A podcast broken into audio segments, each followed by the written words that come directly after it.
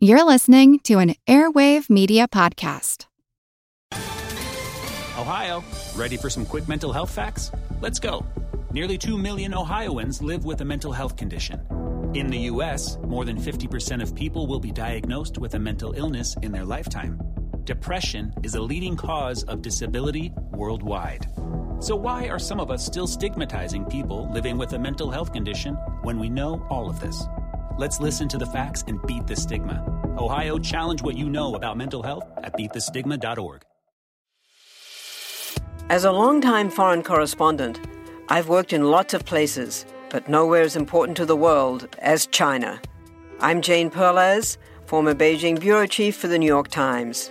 Join me on my new podcast, Face Off US versus China, where I'll take you behind the scenes in the tumultuous US China relationship. Find Face Off wherever you get your podcasts. This is Kick Ass News. I'm Ben Mathis.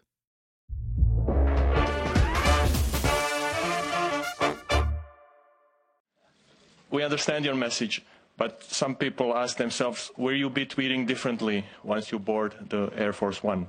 Thank you. No, that's other people that do that. I don't. I'm very consistent. I'm a very stable genius. Go ahead. That was President Donald Trump reiterating one of his most famous self assessments during a press conference at the 2018 NATO summit. It's worth noting that Albert Einstein never called himself a genius. Stephen Hawking never called himself a genius. Isaac Newton never called himself a genius. Nor did Galileo, Da Vinci, Mozart, or Pablo Picasso. George Washington, Abraham Lincoln, Winston Churchill also never used the term genius in reference to themselves. But yes, Donald Trump, the man who won't allow any school he ever attended to release his grades and brags about his IQ but refuses to reveal his IQ score, assuming he ever took the test, this man is a genius. Aside from what that preposterously over the top statement, very stable genius, says about the psyche of the man in the White House, it's also the title of a new book by Washington Post reporters Philip Rucker and Carol Leonnig. And today, Phil Rucker, who also serves as Washington bureau chief for the Post, joins me on the podcast to talk about the book and share some stories from various White House staff that would seem to give lie to the supposed stability and genius of the man occupying the White House. These include the time Trump tried to overturn the Foreign Corrupt Practices Act so American businesses can bribe foreign governments the time he wanted to turn a profit on the U.S. military by turning our troops into a mercenary force, and the Pentagon meeting where he called his decorated generals a bunch of babies and losers. Phil discusses the falling out between the president and his former Secretary of State, Rex Tillerson, how some world leaders have tried to turn Trump against his own advisers, and how the most powerful leader in the world solicited other heads of state for the Nobel Prize. Plus, we talk about impeachment, Trump tweets, Bolton, Mueller, and more. Coming up with the Washington Post's Philip Rucker in just a moment.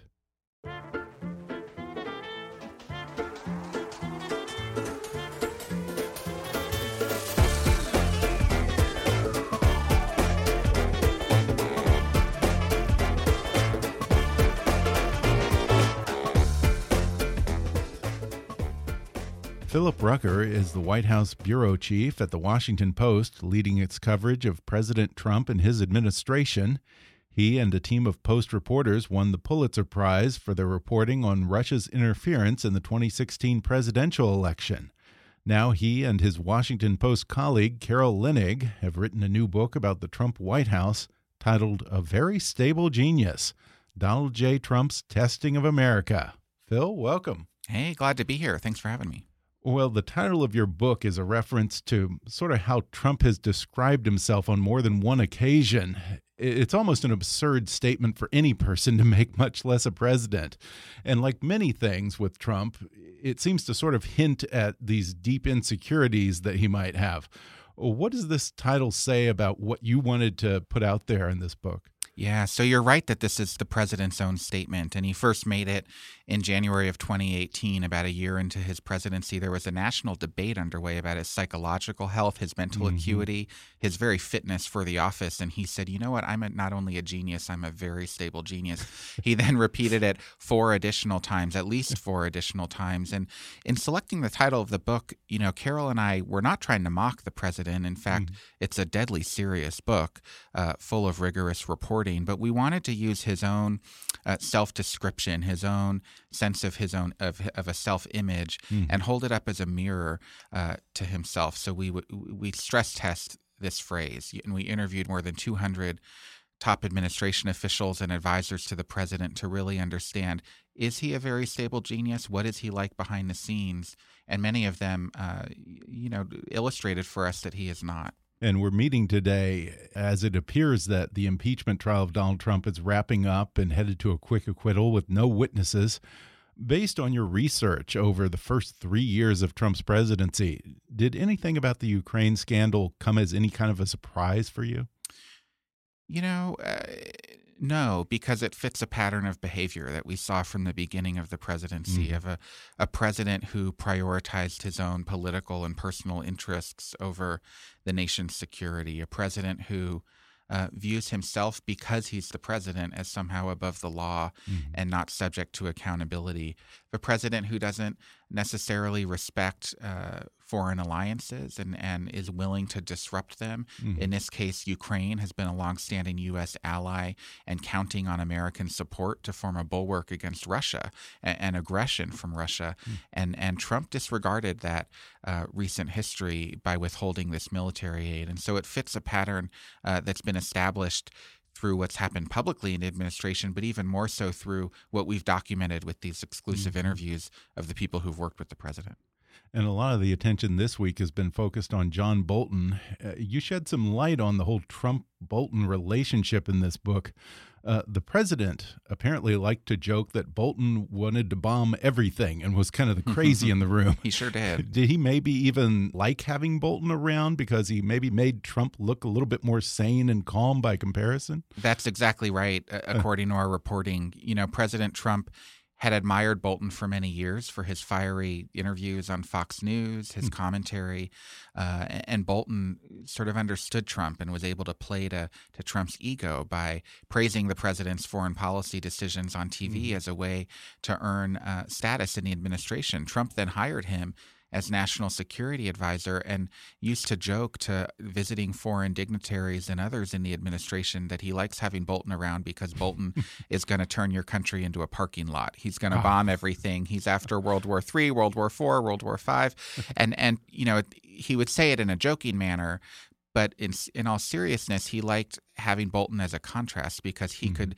cast himself, the president could, as somehow more moderate because mm-hmm. there is such a more uh, hardline, hawkish uh, viewpoint that, that Bolton espoused. Trump could then present himself as the more reasonable, uh, middle of the road uh, ideologue when it comes to foreign policy.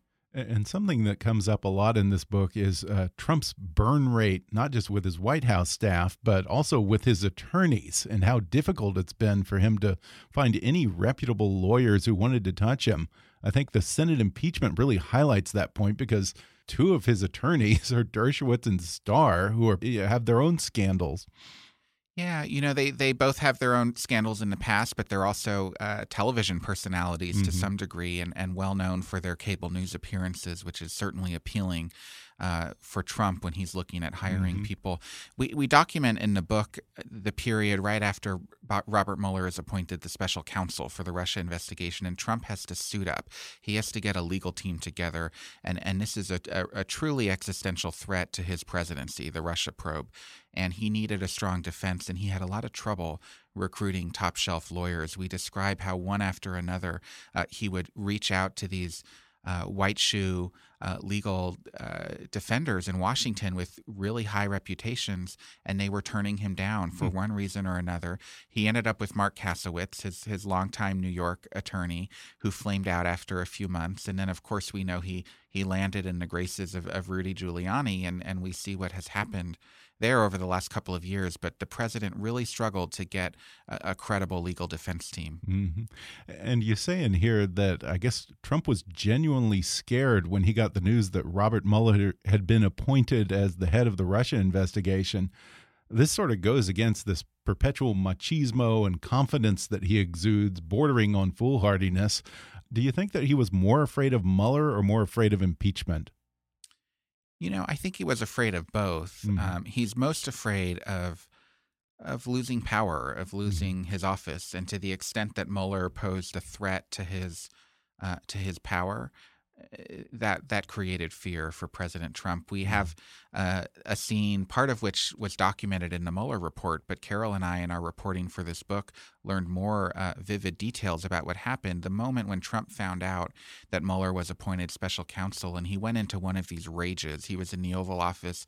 Jeff Sessions, the Attorney General, Don McGahn, the White House counsel, were there uh, in front of him, telling him that Rod Rosenstein, the Deputy Attorney General, was appointing Mueller as the special counsel. And Trump erupted and he said, "I'm effed," and he yelled at Jeff Sessions and said it was all his fault because he had recused himself from the Russia investigation and therefore was not protecting the president as the president wanted to be protected by the attorney general. And it was just a very unsettling and chaotic and destructive moment uh, in the Trump presidency that Yeah. speaks to his inner fear about losing that power.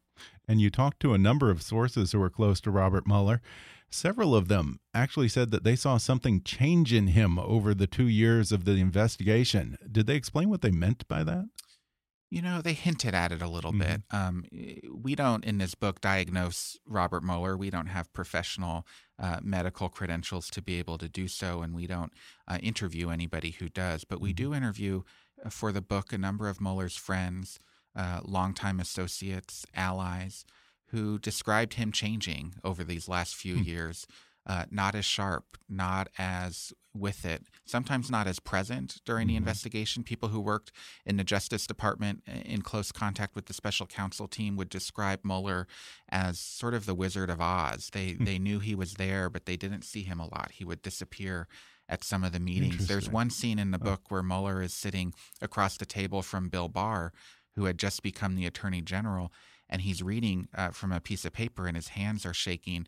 And Barr and, and his uh, his deputies at the Justice Department concluded that is not the Bob Mueller we know and remember. And there was some concern about Mueller. Of course, that became uh, public when Mueller testified before Congress, and there's been plenty of commentary about how he appeared physically in that moment. Right. Right. But I mean, it's understandable. Two years of this, the stress and probably the loss of sleep uh, would probably take a toll on anyone, I suppose. A-. Absolutely, and and he was also, you know, is is up there in years, and so Mhm. clearly there's an aging component as well. Mhm. Well, one of the stories in your book that's gotten the most attention is your account of a meeting between President Trump and his generals at the Pentagon that rapidly devolved into Mhm. Trump calling them a bunch of babies and losers. How did that meeting come together, and what were Trump's advisors trying to accomplish with that? Yeah, I'm so glad you asked about this meeting because it was a really important inflection point early in the presidency. It was July of 2017, about six months in. And Defense Secretary Mattis, Secretary of State Tillerson, Gary Cohn, the economic advisor, they had grown alarmed with the president's lack of knowledge about the world, about geography, about our alliances and military deployments. And so they brought him to a room called the Tank inside the Pentagon. It's the sacred conference room for the Joint Chiefs of Staff. This is where decisions of war and peace are made. It, it's considered almost a holy site among the military brass. And Trump comes in and they begin a, a slideshow presentation to try to teach him, you know, Mr. President, here's where we have military uh, bases around the world. Here's why we have so many troops on the Korean Peninsula to keep us safe. Here's why we prioritize our NATO alliance to keep us safe by partnering with our Western European allies. And the president really recoiled from this. He did not like the tutorial schoolhouse vibe uh, of the session, and he started to bark and, and bellow at the military commanders who were around him. He said the war in Afghanistan was a loser war. he called them losers Wow. for for fighting and leading it. He then said, "You're a bunch of dopes and babies," and then he said something that was the most scarring thing he could say to this group. He said, "I would not go to war with you people." Which is ironic considering that uh, he got out of Vietnam with the bone spur, supposedly. That's correct. And Yeah. these are people who've worn the, the uniform Yeah. uh, to protect our country for decades, who've committed themselves to this line of public Wow. service. And the commander in chief is dressing him down. Only one person stood up to the president in that room, and it was Rex Tillerson, the Secretary of State. And after the meeting, Tillerson said to others, in a hallway at the Pentagon that the president was an effing moron. And it was the moment that forever changed the relationship between Mm-hmm. Trump and Tillerson. And of course, Trump fired Tillerson the next year. And it's interesting that of all the people in the room, including all of these decorated military generals, Secretary of State Rex Tillerson was the only one who spoke up. And, and indeed, in a number of these meetings, he was the one who spoke up. Yeah, and you know, we know from our reporting with sources who were in the room that day that eh, Tillerson was waiting for Mattis to speak up. Okay. The Secretary of Defense to defend the military, and Mattis wouldn't comment. And Tillerson was thinking to himself, "Gosh darn it, Jim, say something, say something." But he realized, you know what? Mattis is genetically a Marine. He's following the chain of command, and Mhm. and the president outranks the defense secretary, and he was just going Mm. along. Another person, by the way, who didn't speak up was Vice President Pence, which was really striking because Pence has a son who was actually deployed in Yeah. Afghanistan to fight in the military, but Pence was described to us as a wax figure in this meeting, just unwilling to confront the. President. Yeah, of all the people in Trump's inner circle, aside from the family, Pence probably has the most job security, and yet he always is in lockstep with the president. In your research, did you ever come across any instances where he tried to counsel the president against his worst impulses None. or push back? None. Um, I wish I could tell you we we knew of examples where Pence stood up to the president or tried to steer him in a different direction, but we did not come across any. There certainly are not any publicly that we know about. You know, I will say that Pence's advisors, his aides, will tell you that in private he counsels the president. He will sometimes challenge Oh, really? uh, what Trump wants done in private, but we've never actually seen evidence of that. That's just what his staff Mhm. uh, tell reporters. Did they ever say anything about Trump actually listening to him? I don't know. Uh, you know, if, if Pence ever confronts Trump, and I, I say that's an if because, again, we don't have evidence that this has happened, uh, it's in private when they're one on one. Pence, uh, in, in all the meetings that we were privy to with the president in the reporting of this book, Pence was never somebody who stood up to challenge him or to try to correct him or to try to say, no, Mr. President, that's a bad idea. Let's do this instead. there are several instances of these confrontations with Rex Tillerson. Uh, another one that comes to mind is uh, at some point, I guess Trump wanted to get rid of the Foreign Corrupt Practices Act, which led to another confrontation. Can you tell us that story? You know, this was a really surprising discovery in, for Carol and for me in our reporting when uh, Trump is in the Oval Office and he tells Tillerson, I want you to get rid of the Foreign Corrupt Practices Act. This is a law that's been on the books, mind you, for decades. It protects uh, from corruption abroad. And it basically says an American company cannot bribe a foreign official for the purposes of doing business overseas. But Trump told Tillerson that he thinks it's unfair, that it hinders the ability of American businesses to uh, conduct business and, and win contracts abroad, and that he thinks bribery should be legal. And he instructed Tillerson to get rid of it. And there are a couple problems with that. The first problem being the Secretary of State is not empowered to get rid of a law. We have a separation of power uh, in our country. There's a legislative Yeah. branch that does the laws. Uh, but beyond that, Tillerson just thought it was such a preposterous idea that he said back to the president, you know, sir, that's not, I, I'm not the guy to do that. Mhm. But Trump didn't quit. He then asked Stephen Miller, uh, his senior policy advisor in the White House, to draft an executive order to try to get rid of the Foreign Corrupt Practices Act. Uh, that order, of course, was never signed and never uh, became anything because it, that would be illegal to try to repeal a law, uh, an executive order. But nonetheless, it speaks to the president's determination to get rid of that prohibition on foreign uh, foreign corruption and bribery. Interesting. So, uh, you know, kind of this idea that he is above the law gets projected onto America and the world as, as a whole, I guess. Exactly. And as we think about the impeachment trial right now, one of the defenses that the president's lawyers have been making in the Senate is that the president was not uh, trying to withhold the military aid regarding the Bidens. Rather, he was focused on rooting out corruption wherever it exists abroad. He was committed to getting rid of corruption and didn't like bribery and and, and wanted to clean up right. the world. And and it just it, it just it, it, does not hold up to yeah. the actual facts that we know from our reporting earlier in the presidency. We're going to take a quick break, and then I'll be back with more when we come back in just a minute.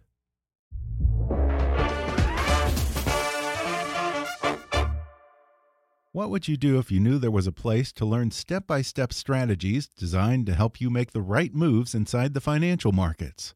A place to develop skills that could help you generate income and build confidence toward your retirement goals. At Online Trading Academy, they know how to teach people the skills and knowledge that could empower you to take control of your financial future so you can spend less time worrying about life and more time living it. For over 20 years and across 50 locations worldwide, Online Trading Academy has been teaching people just like you skills designed to help you learn to invest with the confidence of the pros. Start by taking their free introductory class. Visit otatrade.com/kick for two free tickets to a class in your area and receive their professional insiders kit with lessons from top instructors just for attending. That's otatrade.com/kick. otatrade com slash kick. Today's episode is also sponsored by Native. Many conventional deodorants contain aluminum, which forms a plug in your sweat glands to keep you from sweating.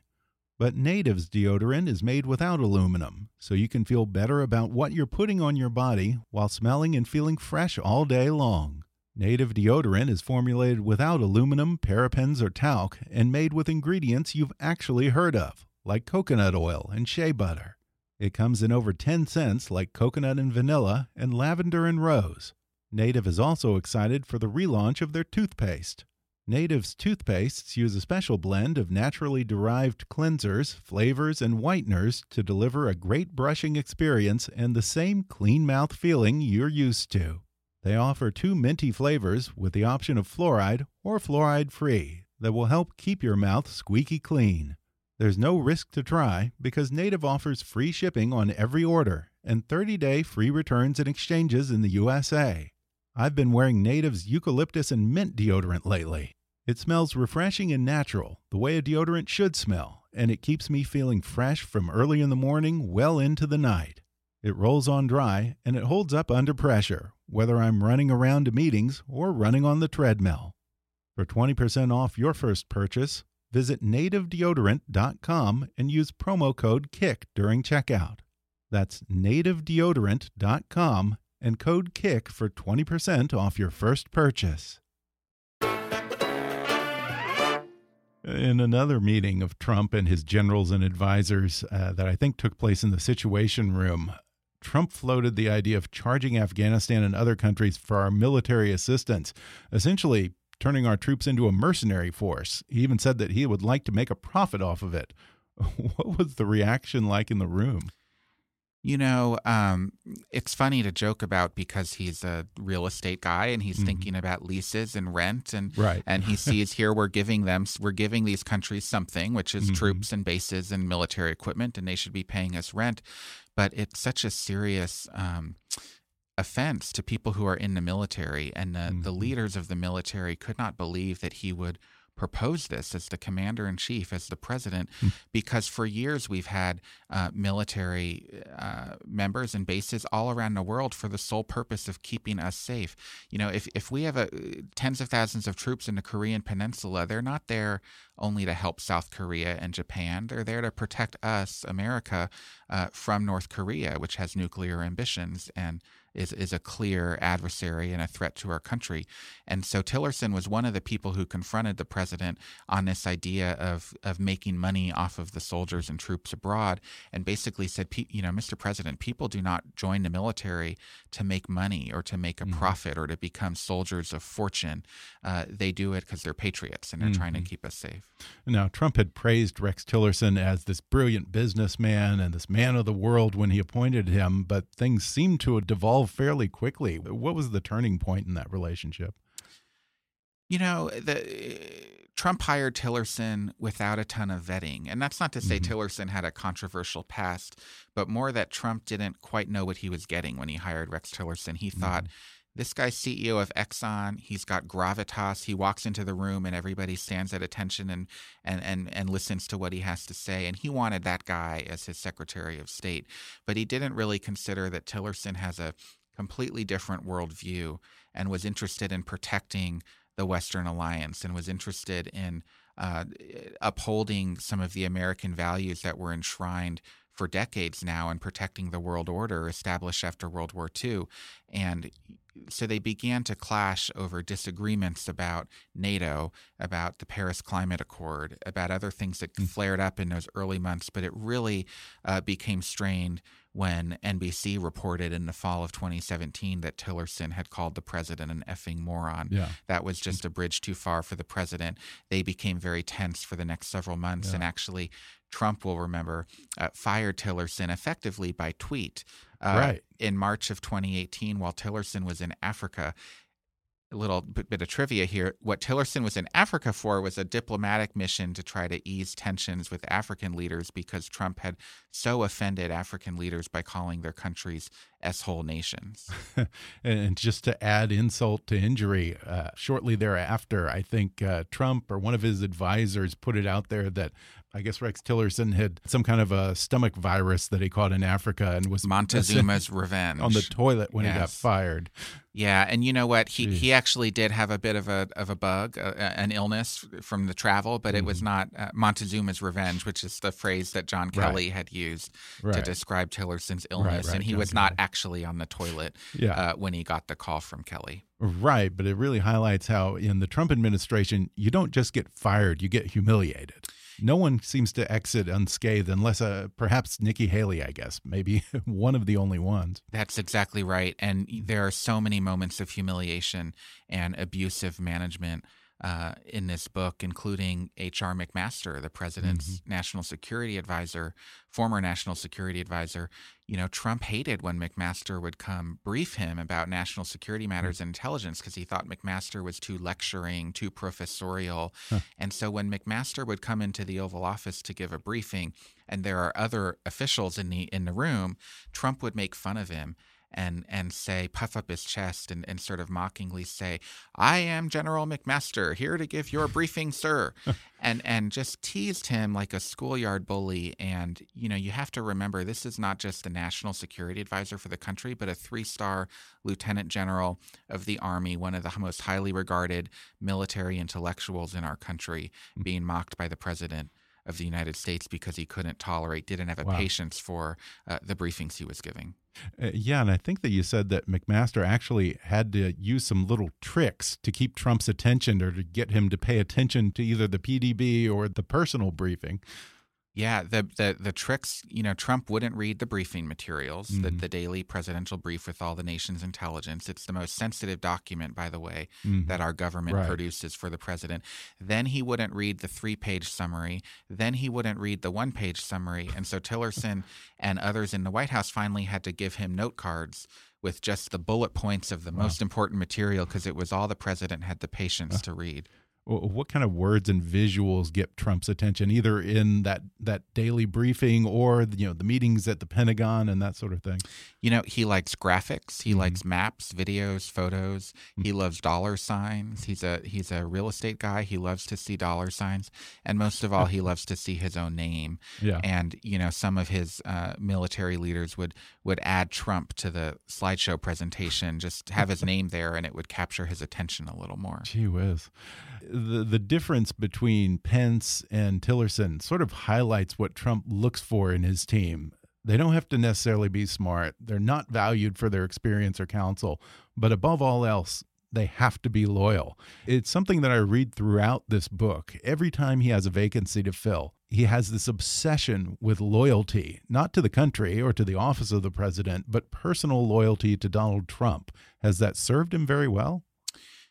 You know, I would leave it to others to evaluate whether it served him well, and, and certainly we'll get an indication of that in November when the American people have a say uh, about whether he gets a second term in office. But you're absolutely right about the loyalty. That, that has been the North Star uh, in the Trump administration. And, you know, every president demands loyalty to some degree from the people who work for him or her. Mm. But with President Trump, it's not just loyalty to the country, it's loyalty to Trump, the man, the brand, mm-hmm. the legend, the self image. Uh, it's all about who's fluffing me up, who's defending me publicly, who's lying on my behalf. And if you betray him in his estimation, you're out. There's no tolerance mm-hmm. for betrayal. Yeah. One senior official likens working in the White House right now to playing whack a mole. Was that a common theme among the sources you talked to? It was, um, you know, it was especially prevalent early on in the, the mm-hmm. first year or so, where advisors and cabinet secretaries would scramble uh, day in and day out to try to put out fires to prevent disasters from happening you know, it's a little bit more orderly now, but not entirely. And I, I believe from our reporting that the White House remains sort of a den of dysfunction. There's chaos everywhere, but Trump actually likes the chaos. He thinks he thrives on the chaos. Huh. And important to keep in mind, many Trump voters, tens of millions of them around the country, uh, think that this disruptive force and this this chaotic energy is actually really good for our country mm-hmm. because they feel like the establishment, the norms, the the ways of Washington have simply not worked for many decades, and Trump is finally in there, the bull in the china shop, tearing everything up. Yeah, uh, and in their view, he's their champion. Uh, yeah, the thing that I always wonder is does Donald Trump not understand that the people who work for him, they're not out to undermine him, they're not trying to screw him their job is to help this president succeed at his mission. Yeah, I'm really glad you raised that point because, you know, I don't want readers or listeners to the podcast to think that all the people in this book are out to get Trump. They're mm-hmm. actually mm -hmm. mostly Republicans. Uh, right. They're conservatives who who joined the administration in a political capacity because they wanted to work for Donald Trump and they wanted the Trump presidency to be a successful presidency. Um, they are describing the horror show that they experienced to us in this book, but they joined because they were loyal to him and mm-hmm. because they wanted him to succeed. These are not Democrats uh, trashing right. him for partisan purposes. Right. And yet Trump seems to have this disdain for knowledge and experience, and he has a troubling obsession with some supposed deep state trying to undermine him. Did you find evidence that maybe even other world leaders have tried to use Trump's paranoia and disregard for his advisors to manipulate him? Certainly uh, other world leaders have tried to manipulate him. First and foremost, Vladimir Putin, the mm-hmm. president of Russia. Uh, you know, Trump's obsession with Putin is a through line in the narrative of our book. Before he even took office, Trump was asking Reince Priebus, who was set to become the White House chief of staff, when can I meet Putin? Can we meet before the inauguration? Uh, Priebus, of course, had to explain, you know, no, sir, uh, there's only one president at a time in the yeah. U.S. Obama is still the president. it would be inappropriate for you, the president elect, to meet with Putin. But besides that, we need to meet with our NATO allies first. But Trump, you know, despite so many advisors trying to teach him about Putin, the former KGB agent, the master manipulator, the Machiavellian leader who's trying to poke holes at America and, and undercut America, they tried to convince Trump to beware of Putin, to not trust Putin, to mm-hmm. view Putin as an adversary. And Trump tuned it all out. He wanted to be friends with Putin. and we, of course, saw in Helsinki, Finland, and I was there covering that trip in, in the summer of uh, 2018, where the president refused to believe American intelligence conclusions about Russia's efforts and campaign to interfere in the 2016 election to help Trump win, and in fact said uh, that he believed Putin's very strong denial, right. and that was a moment where Putin really, uh, really won one over the president mm-hmm. of the mm-hmm. United States. Well, yeah, and it, it, sounds like Putin sort of knows how to speak Trump's language of personal diplomacy because I think at one point in the book, Putin is saying, look, don't listen to these people around you. They're not rooting for you. If you can just ignore them, you and I can have a personal relationship and we That's can get right. things done. That's right. That was a really important uh, moment, and I think speaks to the way Putin has been able to communicate directly with Trump mm -hmm. to undermine the advisors around the president mm -hmm. and to, mm-hmm. to capture Trump's attention and, and really manipulate him at his core. Mm -hmm. Yeah, and, and I think at some point in here you talk about how his advisors coach Trump. And then there's this inevitable moment of anxiety whenever Trump goes into a room with a world leader one on one. A good example of this is his meeting with India's Prime Minister, Narendra Modi. And in that case, I guess it had real consequences for America's influence in the region. Tell us a little about what happened there. So, this is the first time uh, Trump met Modi, the Prime Minister of India. They were at an international summit, I believe, in the Philippines uh, on this trip. And you know, they're getting to know each other, and, and Modi is trying to feel out this new American administration. Is is this a country that should be an important, a growing trade ally with? Uh, should India rely on the U.S. for support? It, it's a very complicated geopolitical situation mm-hmm. for India, and Trump seemed to not really understand India's role and India's priorities. And then it became clear he didn't even understand India's geography and made a comment to Modi about, you know, don't worry so much about China. At least you don't have China on your border.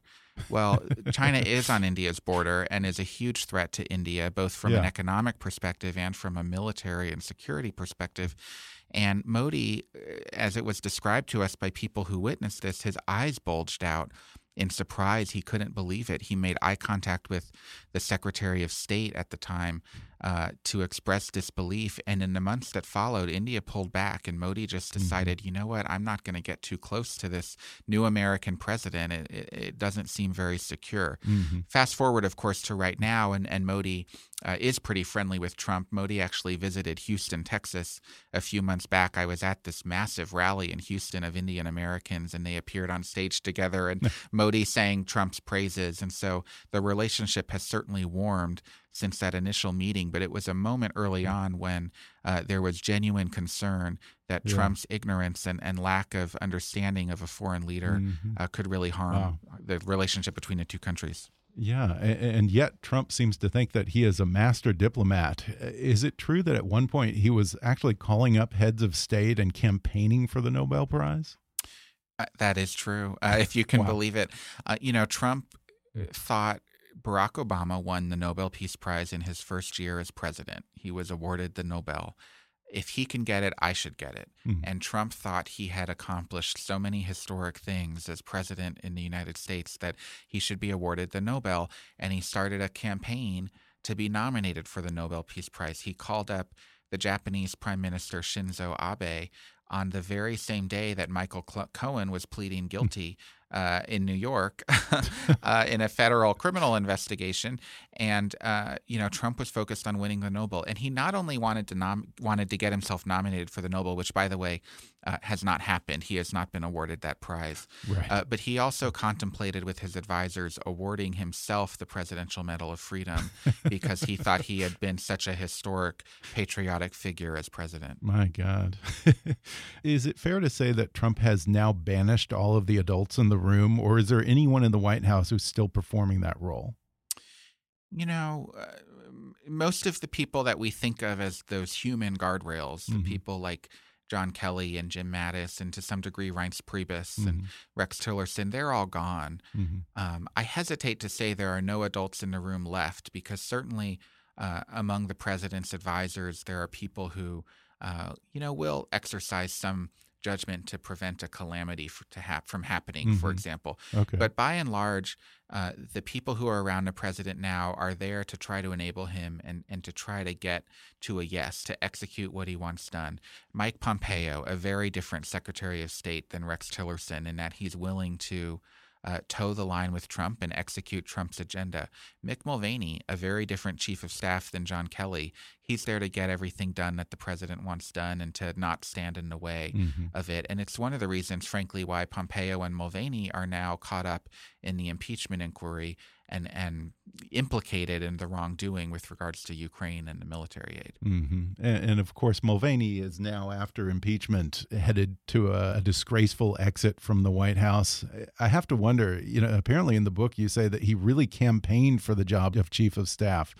And I wonder why. I mean, who would wish that on themselves after watching what happened to Priebus and Kelly? I mean, there's a certain amount of madness there, isn't there? I mean, he's like a woman who dates a bad boy and keeps telling herself, "I'm going to be the one to change him." That's one way to talk about it. And and by the way, I don't I don't know, for example, that Mulvaney is necessarily on the outs, but certainly mm. we've been reporting for some time now that he, he's not long for this world. Mm-hmm. And after we get through impeachment, Trump may get rid of Mulvaney, but we don't know that that for sure is going to happen. Uh, but Right. to your question about Mulvaney, he wanted the job because it's one of the most powerful positions in all of Washington. Mulvaney, Sure, Republican sure. Tea Party congressman from South Carolina. It's a lot better to be the uh, director of the Office of Management and Budget than to be a, a random House member. and, and so he took Yeah. that job as OMB director in the first year of the Trump presidency. And then the opportunity to be chief of staff is so great. Mulvaney aspires to a future beyond the Trump administration. And so that's a credential that he probably calculated could help him get a good job down the road, could help him with uh, speaking appearances or to make some income or whatever he has in mind. But it's a powerful position. So it's understandable he would want it, uh, even though, you know, he'd, he'd be serving Trump. Yeah, you also say that President Trump really wanted Chris Christie to be the one to replace John Kelly as chief of staff. Why did Christie say no? You know, this was in uh, at the end of 2018 when Kelly was on the outs, and Trump actually offered Christie the job of chief of staff, and Christie had to think about it, and then ultimately said no. And there are a couple reasons for it. One is Christie had published a memoir, uh, which was set to be pub- was set to come out in January, a month later, and he knew Christie knew that the memoir was going to be devastating in its portrayal of Jared Kushner the president's son-in-law. Remember, uh, Christie, as the U.S. attorney in New Jersey a decade earlier, Right. had had put Kushner's father in prison. Sure. Uh, and so there's a lot of bad blood between Christie and the Kushner family. And Christie ultimately calculated he couldn't work as the White House chief of staff if Jared is right down the hall as the senior advisor. But there may have been other calculations on Christie's mind as well. He's, by the way, had a successful uh, run as a television commentator. He's making a lot more money than he would have in the White House. And he remains close to the president and, and can call him at any moment if he needs to. And so I think that's a pretty comfortable life Yeah. for Chris Christie. In the epilogue, you say that the question wasn't did Trump do wrong, but would someone enforce the Constitution? And you compare the current moment to the Nixon impeachment and the Republicans of conscience who stepped forward and put the country first. Were you hoping that something about that might resonate with some Republicans weighing impeachment in the Senate right now? And are you disappointed by how this impeachment is played out largely along party lines? You know, it's a good question. Uh, Carol and I are journalists, and we're not here to advocate for any particular outcome politically. Uh, our role in this book was to unearth the truth of what was really happening behind the scenes and to share it with readers. And the way we wrote that epilogue was actually pretty careful. We wanted to lay out the choice that Republicans in Congress and specifically in the Senate were ultimately going to have to make, which is the choice that they're making right now about whether to convict or acquit uh, the president in the impeachment trial. We're not rooting for any particular outcome. Rather, we're just explaining the thought process, what they were grappling with when they're thinking about their historical legacies coupled with the political pressures of the moment. hmm Well, I mentioned in the opening that you are the White House bureau chief for the Washington Post. What's your job been like in the wake of this book release? Has that relationship changed at all? You know, uh, no. I continue to do my job. I've, I've, uh, you know, not been reporting as much day to day the last couple of weeks because Yeah. we're talking to people like you Okay. uh, and getting the word out about the book. But, um, you know, I will continue to cover this administration and to do it fairly and comprehensively and aggressively. And I think that's been a hallmark of the Washington Post's coverage uh, of the Trump presidency throughout. uh, Certainly a hallmark of my own coverage, and that's not going to change going forward. Yeah, and yet Trump called you out on Twitter. Apparently, he called you and your co-author two stone cold losers from the Amazon Washington Post. When Trump hate tweets you, you you, you kind of know that you're doing something right. Did you find anything about that weirdly validating? You know, I'm glad he paid attention to the book. Okay. Uh, and and by the way, our reporting in the last few weeks suggests that he's very upset with the title of the book and specifically with the red eyes that are on the cover. Uh, he thinks that is not a flattering image and is upset that that the book is being uh, is presented in that fashion. But setting that aside, I mean, look, I we knew that a book like this would probably get under the president's skin, and that's fine.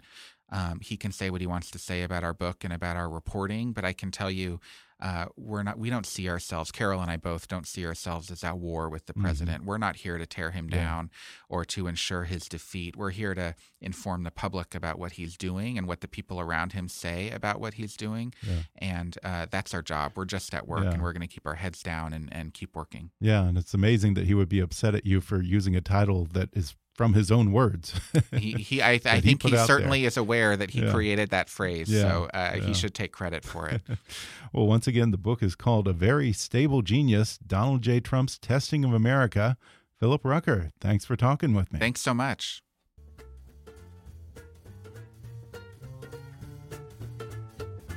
Thanks again to Phil Rucker for coming on the podcast order A Very Stable Genius, Donald J. Trump's Testing of America on Amazon, Audible, or wherever books are sold. You can read Phil in the Washington Post and follow him on Twitter at, at Philip Rucker. Online Trading Academy knows how to teach people the skills and knowledge that could empower you to take control of your financial future. Start by taking their free introductory class. Visit otatrade.com slash kick for two free tickets to a class in your area and receive their professional insiders kit with lessons from top instructors just for attending. That's otatrade.com slash kick.